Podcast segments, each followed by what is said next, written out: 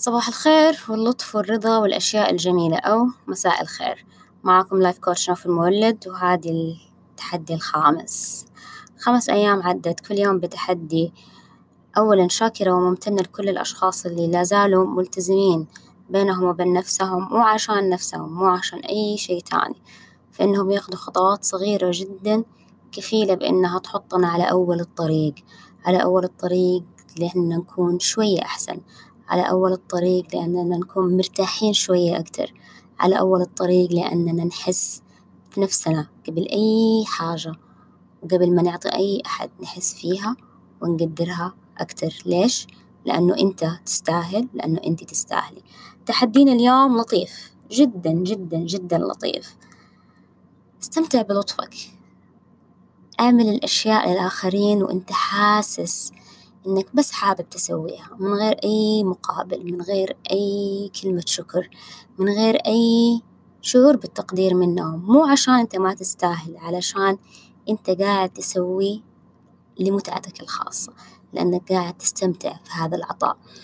ساعات كتير لما أشتغل مع أمهات وزوجات بيكونوا وصلوا للمرحلة اللي إحنا أعطينا مرة كتير إحنا قدرنا مرة كتير.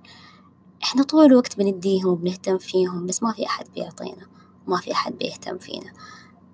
هنا تيجي المشكلة إنه كان في شعور خفي ورا العطاء إنه راح ألاقي مقابل في يوم ما. اليوم أبغاكم تسووا شي لأي أحد من حوالينكم. شي ممكن يكون جدا صغير كلمة شكر لأحد ما أنت متعود إنك تقول له شكرا على شي معين. اتصال على شخص من زمان ما سمعت صوته أو ما سمعتي صوتها وتقولي لها كيفك؟ إن شاء الله بخير إن شاء الله الأمور معاكي طيبة.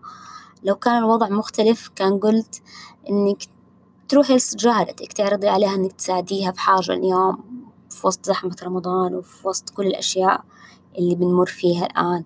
ولكن لأنه كلنا قاعدين في البيت فتحديك اليوم تحديك اليوم إنك تعملي أي شي لطيف لأي شخص من حوالينك من غير أي نوايا خفية إلا إنك تستمتع بهذا اللطف.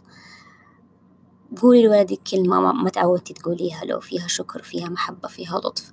لزوجك لشغالتك آه لزميلة من زمان ما كلمتيها أو حتى بتكلميها باستمرار بس ما شكرتيها على شيء معين في يوم ما. آه اطلبي حاجة اهديها لأحد من غير سبب من غير مناسبة. استمتعي اليوم في لطفك. استمتعي اليوم بلطفك. ببساطة إحنا دايما نبغى من الآخرين شي وعلى أساسه بنتصرف حتى لو بشكل غير مباشر. اليوم راح نعطي بس لمجرد إنه إحنا نستمتع بهذا الشعور. وتذكروا دايما إنه الشي اللي نتمناه من الآخرين لازم إحنا نبدأ فيه ونبدأ نعطيه. دايما تكون أنت اللي تبدأ في الشي اللي أنت تتمناه من الآخرين.